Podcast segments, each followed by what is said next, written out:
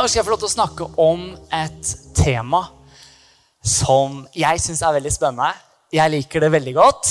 Ehm, og jeg tror det er mange her som har dette temaet innabords, eh, for å være ærlig. Men det er alltid godt å kunne snakke om det. Men så tror jeg det er noen ehm, som er her, eller som ser på, eller som, som har et ambivalent forhold til dette her. Eh, noen tar lett på det. Andre de bryr seg ikke. Andre har ikke fått åpenbaring på det. Så Derfor så tar vi litt tid. Så jeg skal snakke om eh, tiende. Yeah! Kom an! Det er veldig bra. veldig bra. Eh, jeg skal snakke om tiende og hva det er for noe. Førstegrøden. Og eh, jeg driver og leser en bok som jeg fikk av min gode venn Danny Dusson. Han driver og gir meg bøker. Det er veldig bra. Les dette. Um, som er skrevet av Robert Morrison. Og, og um, en historie inni der, den er faktisk veldig kul. Han har vært på møte, og han har fått åpenbaring om tiende. Så da ringer han faren sin og sier, 'Pappa, gir du tiende?' Nei, det gjorde han ikke. Han måtte innrømme at han ga ikke tiende. Uh, så han ga ham en stor lekse da, ikke sant, på uh, hvorfor han skulle gi tiende, og bibelvers og liksom prekte inn i livet hans. Og, og, og så sa han, 'Er du villig til å gi tiende nå, pappa?' Og så sier han, vet du hva, 'Hvis du absolutt vil at jeg skal gi tiende, så er det helt greit.' Opp til nå så har jeg gitt 25 men hvis du vil at jeg skal gå tilbake til 10% så er det helt greit. Så, så, så, jeg står her med all ydmykhet, for jeg vet at det sitter folk i salen som har store åpenbaringer og på en måte har gått et langt liv med det å få lov å så inn i Guds rike. Men eh, la oss åpne hjertene våre til hva Guds ord har å si i dag. fordi kanskje det kan være noe som vi alle kan få lov til å lære av. Og eh, Jeg har alltid med meg min iPad, eller egentlig Jofi sin. Eh, jeg tok av det rosa coveret, så, så, ser det litt bedre ut. Men eh, det fins mange prinsipper i Bibelen. Vet du det? Ok, Så jeg tenkte jeg skulle teste det litt. Eh, for jeg tror vi kan mange av dem utenat. B, så skal dere Ja, veldig bra, altså. Let, så skal dere Ai, ai, bank på, så skal det ja, litt, litt, sånn forskjellig. Lukkes opp. ja, Veldig bra. veldig bra. Og gi, så skal det gis deg rikelig i fanget, står det i Lukas 6,38. Et rettferdig menneskes bønn har stor kraft og virkning. Og eh, Det som er litt kult med Guds prinsipper, er at det, det, er han som har valgt å sette dem der. Så da får han stå ansvarlig for prinsippene. Er dere enig i det? Veldig bra. Så Det er litt sånn som med tyngdekraften. Ehm, det spiller egentlig ingen rolle om hva du eller jeg mener om prinsippene. De er der. Så hvis jeg tar den her og slipper den nå ja, jeg, jeg, bryr meg ikke om tyngdekraften. Den kommer til å falle. Jeg skal ikke gjøre det altså. Den kommer til å falle fordi den funker. Og sånn er det med Guds prinsipper. De står fast. Ok? Så dette er på en måte eh, en undervisning, vil jeg si. Jeg skal prøve ikke preke så mye, jeg skal prøve å liksom bare gå litt roligere igjennom. Og eh, dette skal være på en måte som et maraton. fordi en sprint det er sånn Nå kjører vi på, og så får vi gjennombrudd. Dette her skal få lov til å sette deg i hjertet ditt og få lov til å jobbe med deg hele livet. For dette her, hvis man tar til seg disse ordene, og jeg er selv på denne reisen og på en måte ønsker å oppleve alle velsignelsene som fins i Bibelen, da, eh, så, så, så, så ta dette til deg og tenk at dette her skal jeg ha med meg hele livet.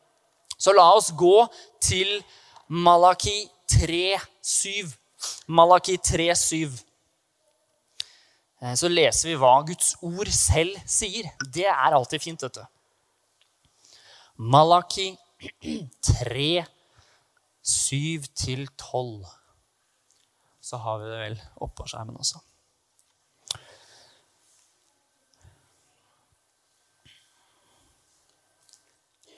Helt fra deres fedres dager har dere veket av fra mine lover og ikke holdt dem. Vend om til meg, så vil jeg vende meg til dere, sier Herren herskarenes Gud. Men dere sier, hva skal vi vende om fra? Skal et menneske rane fra Gud, siden dere raner fra meg? Jeg kan se for meg at de ble litt sånn forskrekket. Eh, men dere sier, hva har vi røvet fra deg? Tienden og de hellige gaver. To forskjellige ting. Forbannelsen har rammet dere, og fra meg røver dere hele folket. Bær hele tienden inn i forrådshuset, så det finnes mat i mitt hus. Prøv meg på denne måten, sier Herren, herskarenes Gud, om jeg ikke vil åpne himmelens luke for dere og øse ut velsignelser over dere i rikelig mål. Jeg vil true etergresshoppen for deres skyld, så den ikke ødelegger markens grøde for dere. Og vintreet på marken skal ikke slå feil for dere, sier Herren herskarenes Gud. Da skal alle folkeslag prise dere lykkelig, for da skal deres land være et herlig land, sier Herren herskarenes Gud. La oss ta altså bare en rask bønn. Herre, vi takker deg for at eh, vi kan få lov til å dele ordet i dag. Takk at vi kan få lov til å ta imot. Og, og som du har eh, beskrevet så fint, at det var en såmann som gikk ut for å så. Så Herre, vi ber om god jord, at såkornene som kommer ut i dag, skal få lov til å eh, falle i god jord, så de gir god vekst. 60, 80 og 100 fold, Herre. Takk at vi kan få lov til å, å bare løfte dette ordet opp til deg og velsigner det i Jesu navn. Amen. Amen. Og, og, jeg tenker at Hvis det står det at Gud han åpner sine himmelens luker eller sluser, eller hva enn som står i din bibel, så vil jeg tro at eh, han holder de lukket hvis man ikke gir tiende. Det fins noen konsekvenser i Bibelen som er sånn at eh, sånn er det. Gi, så skal du få. Eh, sånn er det. ikke sant? Og så står det her at du vil bli velsignet. Himmelens sluse skal åpne seg over deg når man gir tiende og hellige gaver inn i Guds rike. Men da regner jeg med at han åpner ikke opp himmelens sluker, sluser over våre liv hvis vi ikke gir tiende. Det er faktisk en veldig fin ting å tenke på. Og, og, og eh, dette uttrykket med himmelens luker eller sluser, det er sånn floodgates. floodgates. Og da, da, da, tenker man plutselig på, Det er bare beskrevet et annet sted i Bibelen. Og det er når Gud åpnet opp himmelhvelvingen, åpnet opp vann, for, for, for, vannflommen. Det var voldsomt med vann som eh, holdt på der. altså. Og bare tenk deg den velsignelsen som kan få lov til å komme over ditt liv. Det er ditt og mitt valg. Vil jeg faktisk tillate den type velsignelse over mitt og ditt liv? Det er et trosteg, jeg sier ikke det. Men det er et valg. Og, og Jeg ønsker også å gjøre et poeng ut av at det er forskjell på tiende og hellige gaver. Fordi det, det, kan være et eller annet menneske som tenker jeg gir det jeg gir, og menigheten får være veldig takknemlig for det. Og i hvert fall han der oppe. Det kan det være at det er noen som tenker. Og jeg leste en bok en gang. fordi det er mange som, Vi skal ikke gå inn i det for øvrig. Men det er mange som mener at liksom, ja, tiende hører Gamle testamentet til. Kom til meg etterpå, så skal vi snakke om det. Men det gjør det ikke. Um, og Det var en som skrev en bok en gang, basert på en studie som var gjort over kristne som på en måte Ja, men jeg gir mye mer enn 10% men jeg bryr meg ikke om tienden. Og så gjorde de en studie, og de sjekket liksom hvor mye folk ga. da. Og det var langt langt, langt, langt mindre enn 10% Så de fikk jo sjokk selv. Og i starten av 2000-tallet så gjorde man et stort survey som viste seg at i, i, på en måte, i den kristne verden, så langt man gjorde det mulig, da, og da får du en gjennomsnitt, så ga kristne på hele kloden 1,8 1,8% Og det er inkludert dimisjonsarbeid, det er inkludert i alle hellige gaver. 1,8% det er litt trist. For jeg har kjempetro på tienden. Jeg har kjempetro på at vi kan få til å være med og velsigne inn. Og det handler så lite om la meg bare understreke det, så mye jeg kan. Det handler så lite om at vi skal få pengene. Nei, fordi vi gir til Gud. Vi gir ikke til mennesker. Eh, så la oss ta for oss tienden først. Eh, og jeg skal være veldig pragmatisk i dag. Veldig sånn rett fram. Er det greit? Nydelig. nydelig, nydelig. 10% eh, Tienden er 10% av det man tjener. Enig? Veldig bra. For Hvis det er 20 så heter det 20. Eller det, er, flotte uttrykk som ikke vi kristne bruker så ofte. men er, kanskje vi burde begynne å lære oss de. Jeg gir 20. Jeg. Hva gjør du? Jeg er 13. Nei, 30. Nei, jeg er kjent. Men uansett. Eh, og, og, og, hvis jeg hadde spurt deg i dag, og jeg vet dette kommer til å provosere noen, men det får så være er Hvis jeg hadde spurt deg i dag om hvor mye du tjener, og jeg kommer ikke til å gjøre det, men hva hadde du svart da? Netto eller brutto årslønn? Når du søker på en jobb, hva, hva, hva gir firmaet deg? Jo, de gir deg 537 000. Ja, er det brutto eller netto? Det er brutto. De, de spør ikke De gir deg ikke nettosum. Eh, når du skal eh, søke lån i banken for å for å eh, kjøpe hus eller leilighet, så spør banken gjerne om litt papirer og litt sånne ting fra skatteetaten. og sånn. Hva er det du oppgir da? Netto eller brutto lønn? Jeg vet Dette er veldig hardt og veldig rett fram, men jeg oppgir bruttolønn. Da får du mest mulig lån. gjør vi ikke det da? Kjempeflott. Um, og dere skjønner kanskje hvor jeg står, men jeg er så overbevist om at Guds prinsipper er til velsignelse for hans folk. Eh, og Da kommer spørsmålet hvem setter du først, skatteetaten eller Gud? Eh, setter du regningene først eller Gud? Uh, den svir, altså. Det gjør det, men det er litt sant. Og jeg tenker at jeg har et par eksempler som jeg skal prøve å gå gjennom. fordi hvis du aldri har gitt hinder før, så er det veldig greit å kunne se på dette her.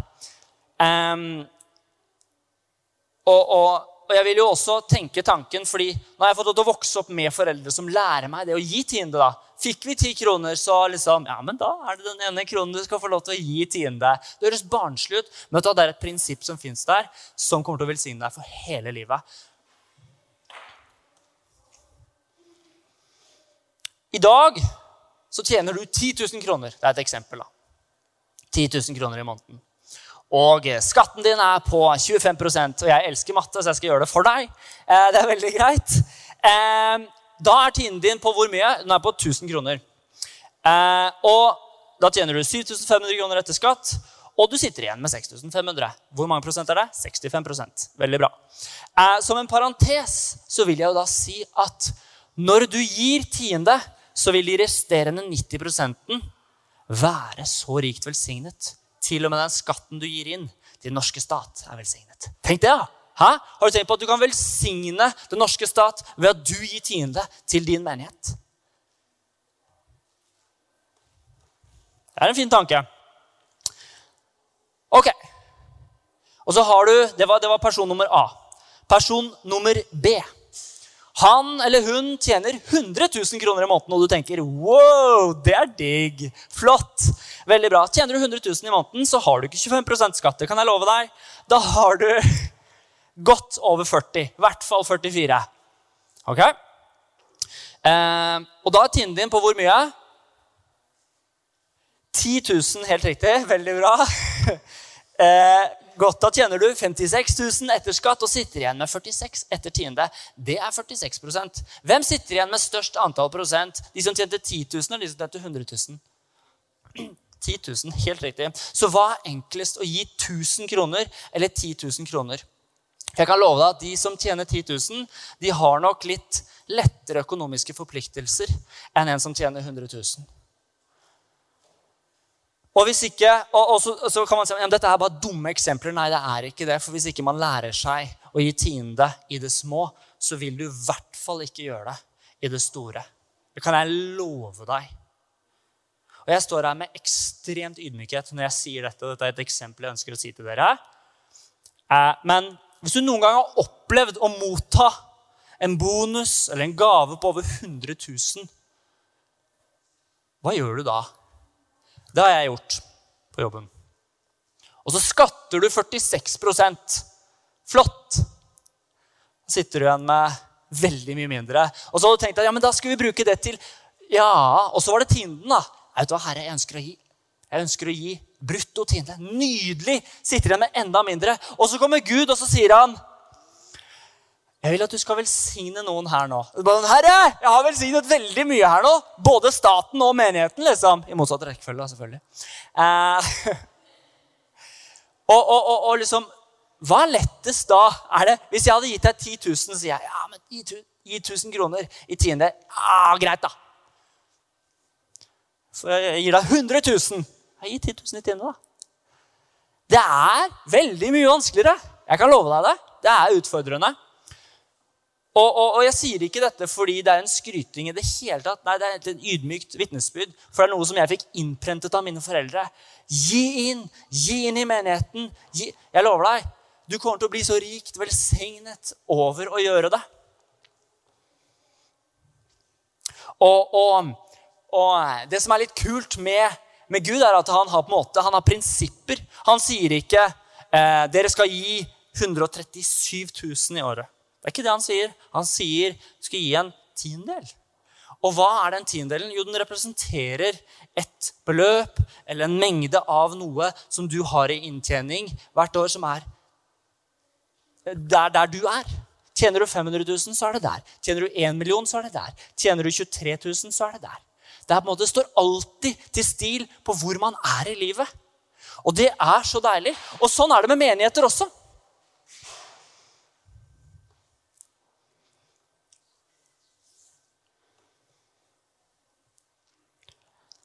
Jeg ser for meg at når man på en måte følger Guds prinsipper, så, så går man inn i en sånn velsignelsens foss.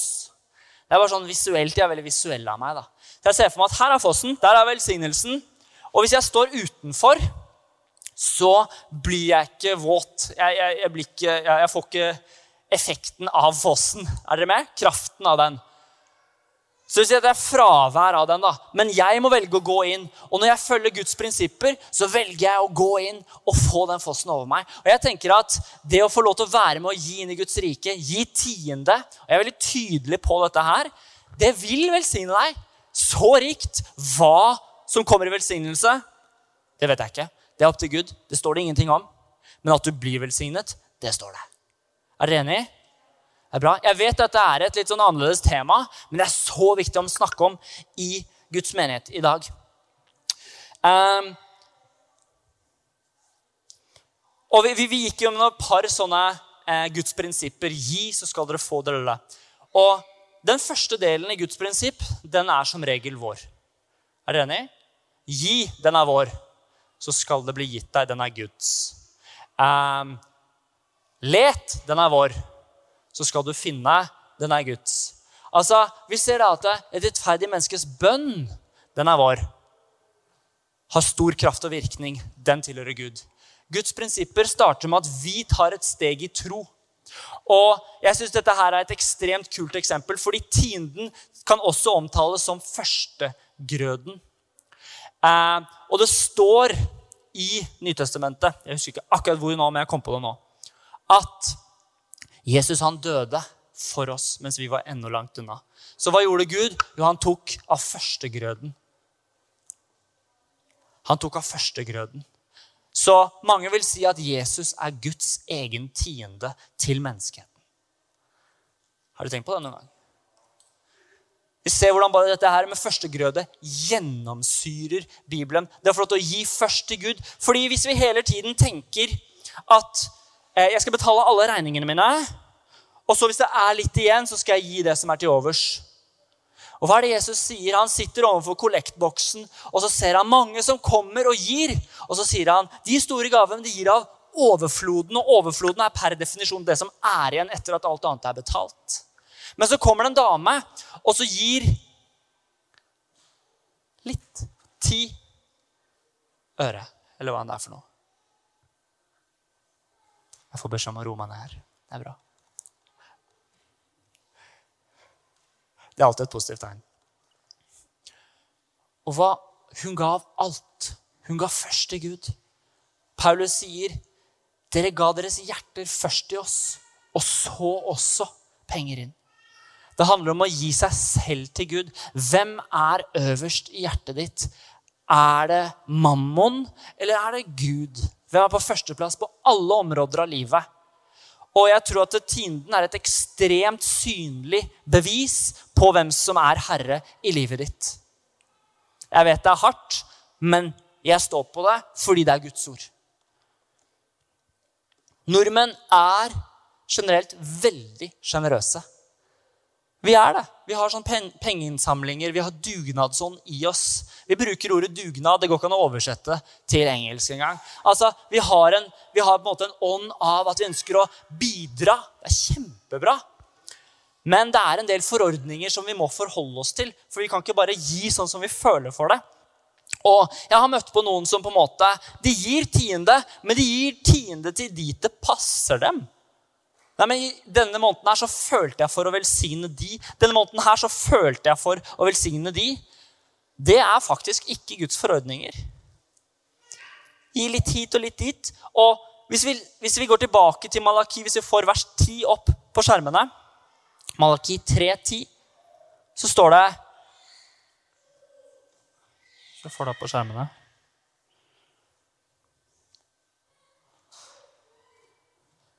Kom med hele tienden inn til forrådskammeret. Kom med hele. Det står ikke halve, det står ikke 10% det står ikke 99% Det står hele tienden inn i forrådshuset.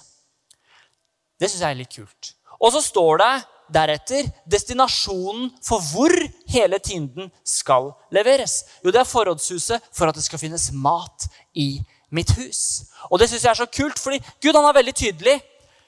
Kommer hele tiden inn til forrådshuset. Um, og så vil jeg da spørre her, og da kan du få lov, hvis du vil, da, rekke opp din hånd. Hvem anser Jesus Church som sin menighet? Da er det Jesus Church dere gir tiende til. Har gjort det veldig tydelig og klart. uh, fordi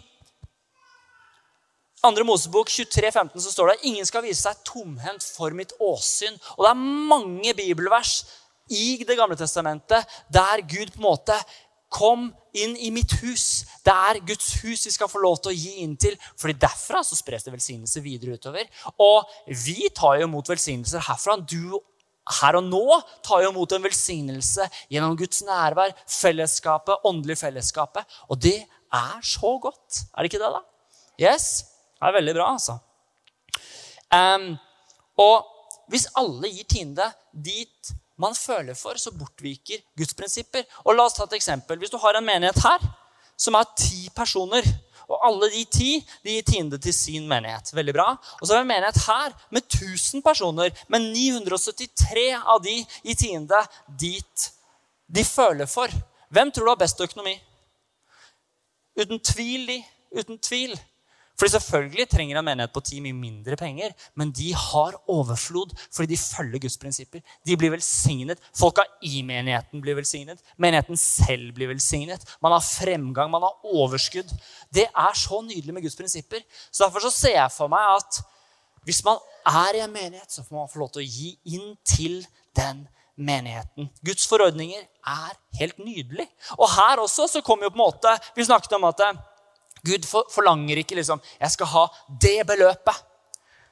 Men han, han, ønsker 10% Og På samme måte så har han en forordning for at hvis en menighet vokser, så sørger han også for økonomien fordi hvert enkelt medlem er med på å gi inn. Det er så enkelt. Det er så rett fram. Det er helt nydelig. Jeg har stor tro på å snakke om penger i Guds rike. Nåde er gratis. Det er dyrt kjøpt av Gud selv. Det er det. Og vi er kalt til å ta det imot og leve i etterfølgelse av Jesus. Og Det er mye å si om det, men det er gratis. Men administrasjon, lønninger, misjonsarbeid, husleie, misjonsbudsjett er ikke gratis. Og det krever faktisk at vi som menighet står sammen. Vi er med og gir inn. Vi er med og løfter inn i Guds rike. For jeg tror virkelig at penger kan være med på å forløse vekkelse. Er dere enige i det? Jo større en menighet er, jo sterkere står den hvis alle gir. da, Hvis alle er med og støtter. Tenk hvilket impact du kan ha på lokalsamfunnet her. da. Tenk liksom hvordan Jesus Church 300-400-500 medlemmer kan ha impact på Sankthanshaugen hvis alle er med og gir inn. Ohoi! Man kan begynne å dra i gang kjempemye. Da snakker vi om at menigheten har impact inn i lokalsamfunnet. Fordi én slår 1000, men to slår 10 000. Jeg snakket om menigheten for et par måneder siden. Jeg har kjempetro på det. Tenk hvis vi også kommer sammen på dette området og finansielt eh, sørger for at menigheten står stabilt. At vi har en sterk administrasjon, at vi har et sterkt lederteam. At vi sørger for at pastorene våre ikke jobber med administrasjon, og får lov til å holde seg til bønnens og ordets tjeneste som de første apostlene. Og Jeg ønsker å dra et eksempel så langt som dette, og jeg vet at det blir vagt, men jeg ønsker å gjøre det likevel, bare for å liksom understreke med 13 røde streker. Og det er at du ser for deg at eh, du har en konsulentbedrift der du har en konsulent som jobber Han er skikkelig flink, men han er litt, sånn, han er litt sneaky. Så han sørger for at innbetalingene som han tjener på vegne av firmaet, går til andre firmaer. Det er jo ikke riktig. Det er jo ikke riktig.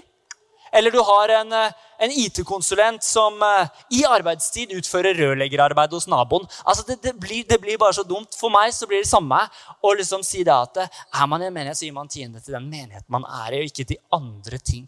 Det er flott å gi til misjonsarbeid. Det er flott å gi inn i TV-arbeid. Det er flott å gi inn i alle typer kristne arbeid. Men det kalles hellige gaver, og ikke tiende.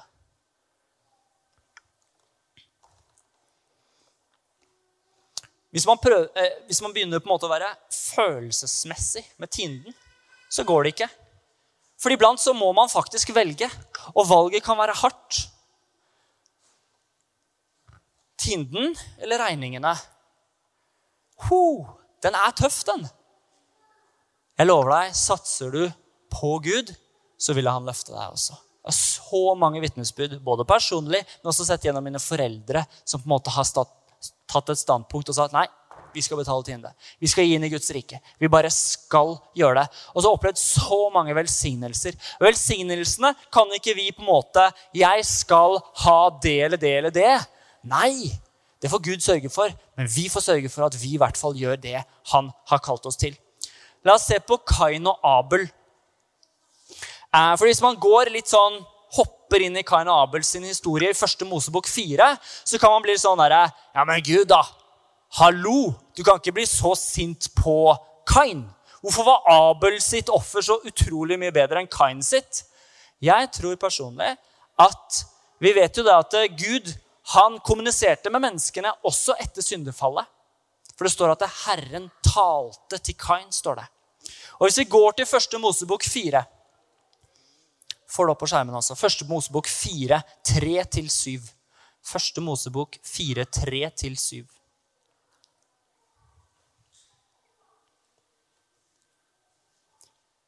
Da en tid var gått, skjedde det at Kain bar fram for Herren et offer av markens grøde. Abel bar også fram et offer som han tok av de førstefødte lammene i flokken og deres fett. Og Herren så til Abel og hans offer, men til Kain og hans offer så han ikke. Da ble Kain forbitret og stirret ned for seg. Og Herren sa til Kain, 'Hvorfor er du så forbitret, og hvorfor stirrer du ned for deg?' 'Er det ikke så at dersom du har gått i sinne, da kan du løfte ansiktet?' 'Men har du ikke gått i sinne, da ligger synden på lur ved døren.' 'Den har lyst på deg, men du skal herske over den.' Var offeret til Kain feil fordi det ikke var et lam? Nei. Men det står her veldig spesifikt at Abel han bar fram et offer av de førstefødte lammene. Og det er et eller annet sett til og med her. Her er vi helt i starten av Bibelen. Så står det her at det, det første tilhører Herren.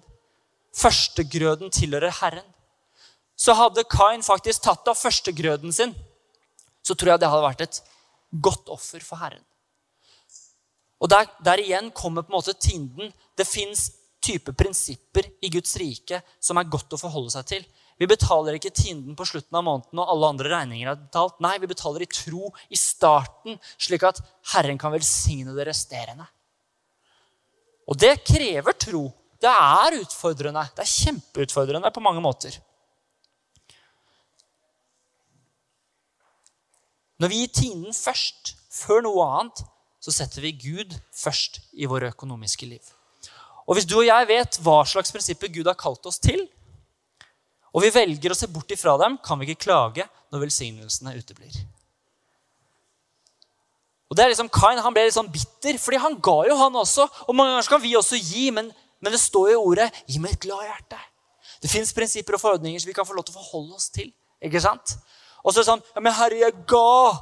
Ja, flott. Men hvordan ga du? Ikke sant?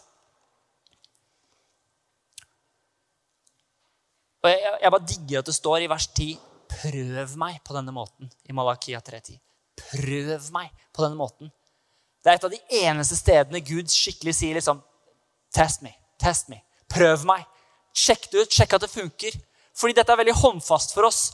Fordi liksom, Prøv meg om det funker for å be for syke. Ja, kult, da må du ut og prøve det. da. Men her så er det pengene dine. Det er på en måte, Herren vet at det hefter mye greier ved penger. Han vet at det, på en måte, det krever litt ekstra faktisk tørre å satse på dette. Så han sier, 'Prøv meg'. Men velsignelsen er så enormt mye større. Den er så enormt mye større. Bibelen er stappfull av prøvelser, og Jakob 1,2 sier jo det. At vi skal få lov til å glede oss over prøvelser. Så det vil si at ja, det er en prøvelse å gi. Og jeg tror Jesus han led på korset. Det var en prøvelse, men han var tålmodig inntil døden. Så Gud har vist oss hvordan han selv ga seg først for oss. Så hvorfor skulle ikke vi da også selv gi oss først til Herren med alt vi er, og hvem vi er, og hva vi har. Og eh, Hvis du og jeg hadde hatt en samtale her, så hadde du spurt meg ja, men eh, hva skal jeg gi tiende fra. Flott spørsmål. Kjempebra. Da hadde jeg sagt av hele din inntekt. Og så hadde du kanskje sagt ja, men hva er inntekt? Og da vil jeg poengtere én ting. Og det er alt som kommer inn til deg som ikke er belånt. Det er fint å poengtere. Alt som kommer inn til deg som ikke er belånt. Det er flott å gi tiende av. Jeg hadde en sånn morsom sak fordi jeg var med en kompis, og så var vi på danskebåten. Eh, så hadde vi vært på kasino. Det er dårlig vitnesbyrd, men det går bra. Så hadde vi vunnet litt penger da, på kasino. Kjempebra. Og så gikk vi til han her, da, faren til han kompisen, og sa vi, skal vi gi tiende av dette. Og så sa han vet du, det er aldri feil å gi tiende. Han sa ikke ja eller nei. Han svarte sånn der klassisk Jesus. Det er sånn, det er aldri feil å gi tiende. Og det har gitt meg en lekse for livet. At det er aldri feil å gi. Aldri feil å gi tiende. Det er aldri feil å velsigne. Det er så godt. Klart at det fins visdom. Altså. Det, det, skal poengteres. Du skal ikke gi vekk alt hvis ikke du skal det. Um, og så ønsker jeg på en måte, Vi, vi begynner å nærme oss slutten her nå. Jeg har mye på hjertet om dette temaet. her. Dette brenner. Jeg vet det. Hvor lenge jeg har holdt på. Oi, oi, oi. Um, og det er fattigdomsmentalitet. Jeg hater fattigdomsmentalitet. Det er det verste jeg veit. Det er to ting som ikke er lov i vårt hus. Det ene er sutring. Og det andre Ja, det er helt sant. Vi har, vi har gode regler på det. Det ene er sutring. Det er ikke lov å sutre. Det er lov å si åssen man har det. det er ikke lov å sutre. Og det andre er eh, Det er ikke lov å si 'det har vi ikke penger til'. Det har vi ikke råd til. Det er ikke lov å si. Vet du hvorfor? Fordi det du sier det, så inntar du en fattigdomsmentalitet på å si at jeg har ikke nok. Ja, men da er spørsmålet hvordan kan du få penger til det? Eller kanskje nei, vi velger å ikke prioritere dette nå, men vi ønsker å spare opp til det. Da får du en aktiv holdning. Men i det du sier nei, det har vi ikke råd til, så inntar du en passiv holdning som ikke er godt for deg. For da bruker du ikke disse hjernecellene på liksom, ok, hvordan kan vi faktisk få til det? Så Derfor vil jeg utfordre deg på å tenke har du noen gang tenkt over hvor mye skal jeg gi i 2020? Hvor mye skal jeg gi i 2021? Ønsker jeg å gi mer enn jeg ga året før? Men da må du faktisk jobbe aktivt med det. Hvordan kan jeg få lov til å øke fra 10 til 11% Oi, oi, oi. Hvordan kan vi få lov til å tenke jeg skal være mer sjenerøs med mitt liv enn jeg var tidligere? Eller på en annen måte Gud kan få lov til å løfte det opp. Det er en rikdomsmentalitet. Hvis man sier sånn, ja, men det kan jeg ikke.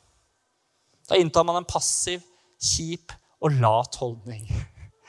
Den er hard, jeg vet det, men den er fin. Ok. Um, fattigdom er virkelig ikke fra Gud. Og fattigdom er på mange måter et fengsel. Um, fordi Gud han vil, han vil ha deg opp. For vi er hodet, vi er ikke hale. Vi er over, ikke under. Er dere med på det? Dere er ikke med på det? Vi er over, ikke under. Ikke sant? Vi er sjenerøse. Vi er det. For vi tjener en sjenerøs Gud. Vi lever i etterfølgelse av en sjenerøs Gud. Og eh, det er så kult. Galaterne 2,20 sier, 'Jeg er korsfestet med Kristus. Jeg lever ikke lenger selv, men Kristus lever i meg.' Så hvis du og jeg ikke lever lenger selv, så er det Bibelen faktisk som skal få lov til å ha innpass i oss, så skal vi leve etter på den måten. Fattigdom sier du blir fattig av å gi. Du har ikke nok til deg selv denne måneden engang, så hvorfor skal du gi? Det er mye viktigere at du får spart mer enn at du gir. Du kan ikke spandere på de andre. De tjener jo mer enn deg. Det er de som burde spandert på deg. Fattigdom peker innover. Fattigdom gjør selvsentrert. Og jeg tror at virkelig du kan være en milliardær, men fortsatt ha en fattigdomsmentalitet. Rikdomsmentaliteten, derimot, skråstrek gudsmentaliteten. Å, så fantastisk det er å gi! Oi, oi, oi! Har vi enda et offer? Oi, oi, oi! Tenk at vi kan få lov til å så inn i evigheten. Jeg har ikke så mye, men jeg ønsker i hvert fall å bidra med det jeg har. Herre, ta dette og multipliser det til din ære. La meg spandere på dere alle, for jeg har blitt så rikt velsignet. La meg bare få lov til å gi litt tilbake av det jeg har fått lov til å bli velsignet med. Det er forskjell på mentalitet. det. Og Det handler ikke om at man hele tiden skal gå rundt og betale for folk. Det er ikke det, men det handler om en sjenerøs holdning på at det liksom, bare la meg få lov til å Jeg tar den her, jeg. Velsign litt her. Velsign litt der. Matteus 6,33 sier, 'Søk først Guds rike og hans rettferdighet, Du skal få alt det andre i tillegg'.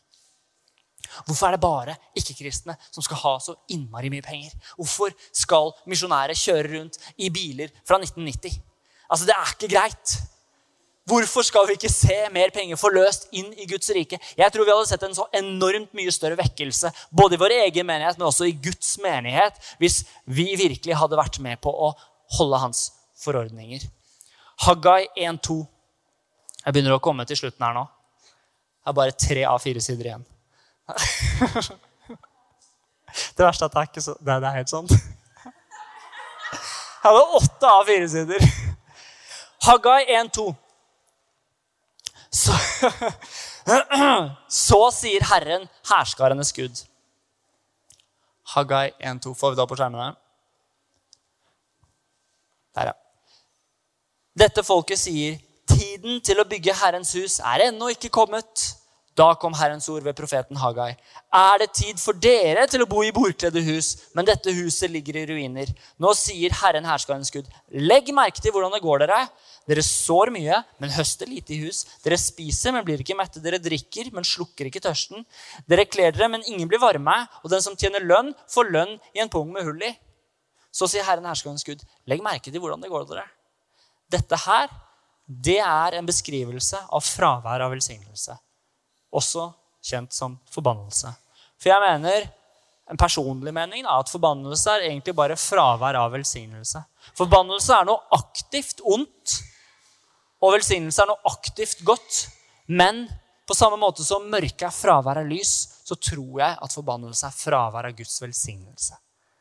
Og vi kan gjøre noe med det med å stelle oss inn under velsignelsens foss. Det er nydelig. Hvis ikke du husker noe annet, så husk det. Velsignelsens foss. Det er der velsignelsen ligger. Det er helt nydelig. Og vi ser det i første kongebok 17. Jeg kan bare lese for dere. Eh, I første kongebok 17 så ser vi Sereptas krukke.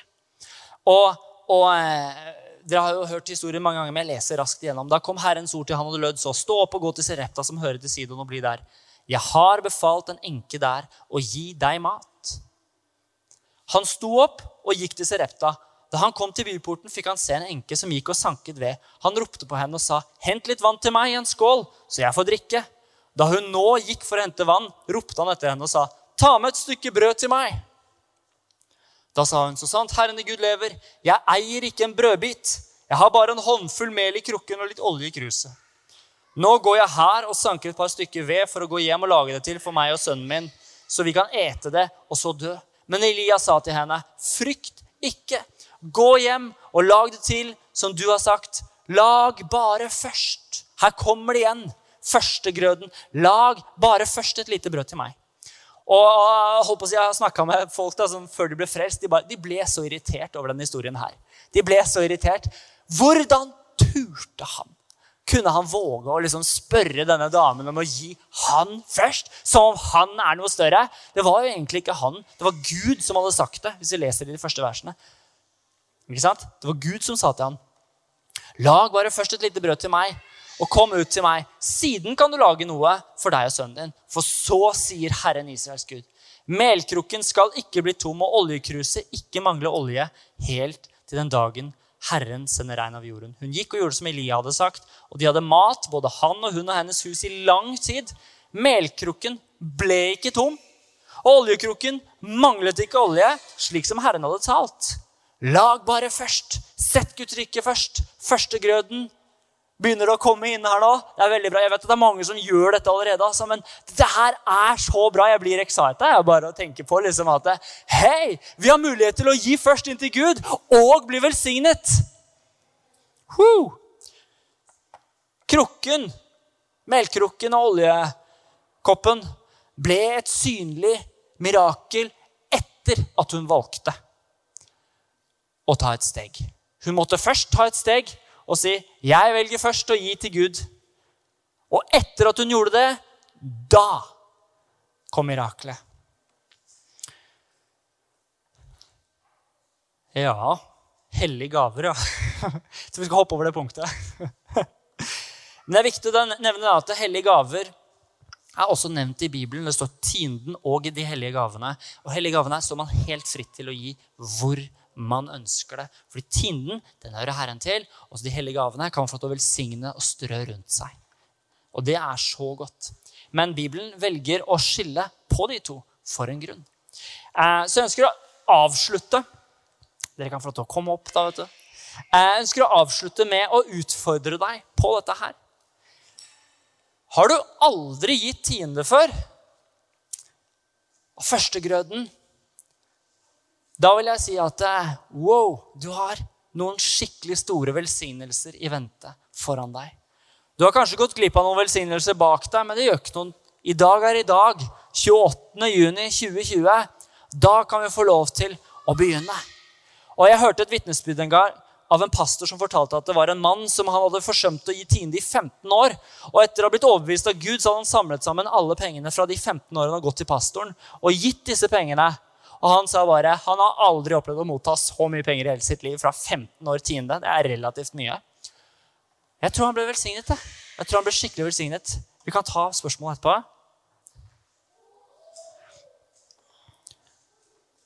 Har du gitt før og stoppet opp? så vet du også at tienden det var en velsignelse. Det ble kanskje en prøvelse, men vi fortsetter. Vi fortsetter å være med å gi. Eh, og Gir du din tiende i dag, så ønsker jeg å utfordre deg. Har du noen gang spurt Gud på Herre, kan jeg få lov til å gi mer? Det er tøft. Men eh, har du hørt om noe som er en reversert tiendegiver? En reversert tiendegiver er en som lever på 10% og gir 90 Woohoo! Det er et mål og et ønske jeg har hatt siden jeg var liten. Og Jeg tror det er, det er, ikke, jeg vet ikke om det er for alle, men det er så godt å tenke tanken på at det liksom, Herre, hvor kan jeg få til å være med å velsigne? Hvor kan jeg få lov til å være med å gi? Hvor kan jeg få lov til å så inn i ditt rike? Det er helt nydelig. Jeg syns det er så flott. Så eh, med det skal alle få lov til å reise seg opp, og så bare avslutter vi med en bønn. Herre, jeg takker deg for at vi kan få lov til å ta imot ditt ord i dag. Og, eh, det var kanskje et annet type ord, men vi tror på dine prinsipper. Vi tror på at vi kan få lov til å gi inn til deg, Herre. For det er først og fremst deg vi gir til. Og så står du for alt det andre av løftene, men det er du som står ansvarlig for det. Så Herre, jeg takker deg for alle her inne i kirka i dag. Takk at vi kan få lov til å kjenne på en glede over det. Det føles kanskje utfordrende, men når vi gjør det, så bærer ordet. For det er ordet som bærer oss, som er grunnlaget i våre liv. Takk, Jesus, at dette ordet skal også feste seg. Selv om det provoserer, selv om det utfordrer, selv om det gir god medklang, skal det få til å være med oss videre i årene fremover. At dette ikke bare er en preken eller et ord som på en måte liksom, å, flott å høre, at dette er noe vi tar med oss som en livsstil.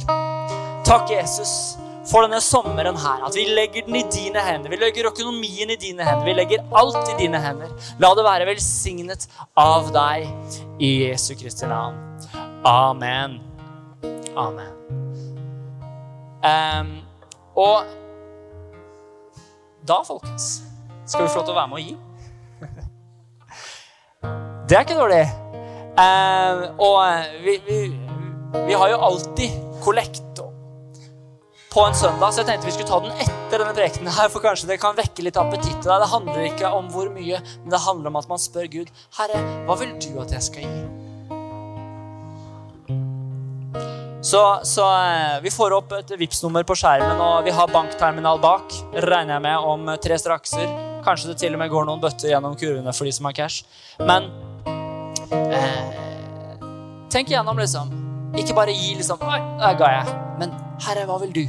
Hva vil du at jeg skal gi i dag? Stå på Hans ord. Du har sagt at du skal velsigne den som gir. Så mens vi har en lovsang, så, så er vi med å gi.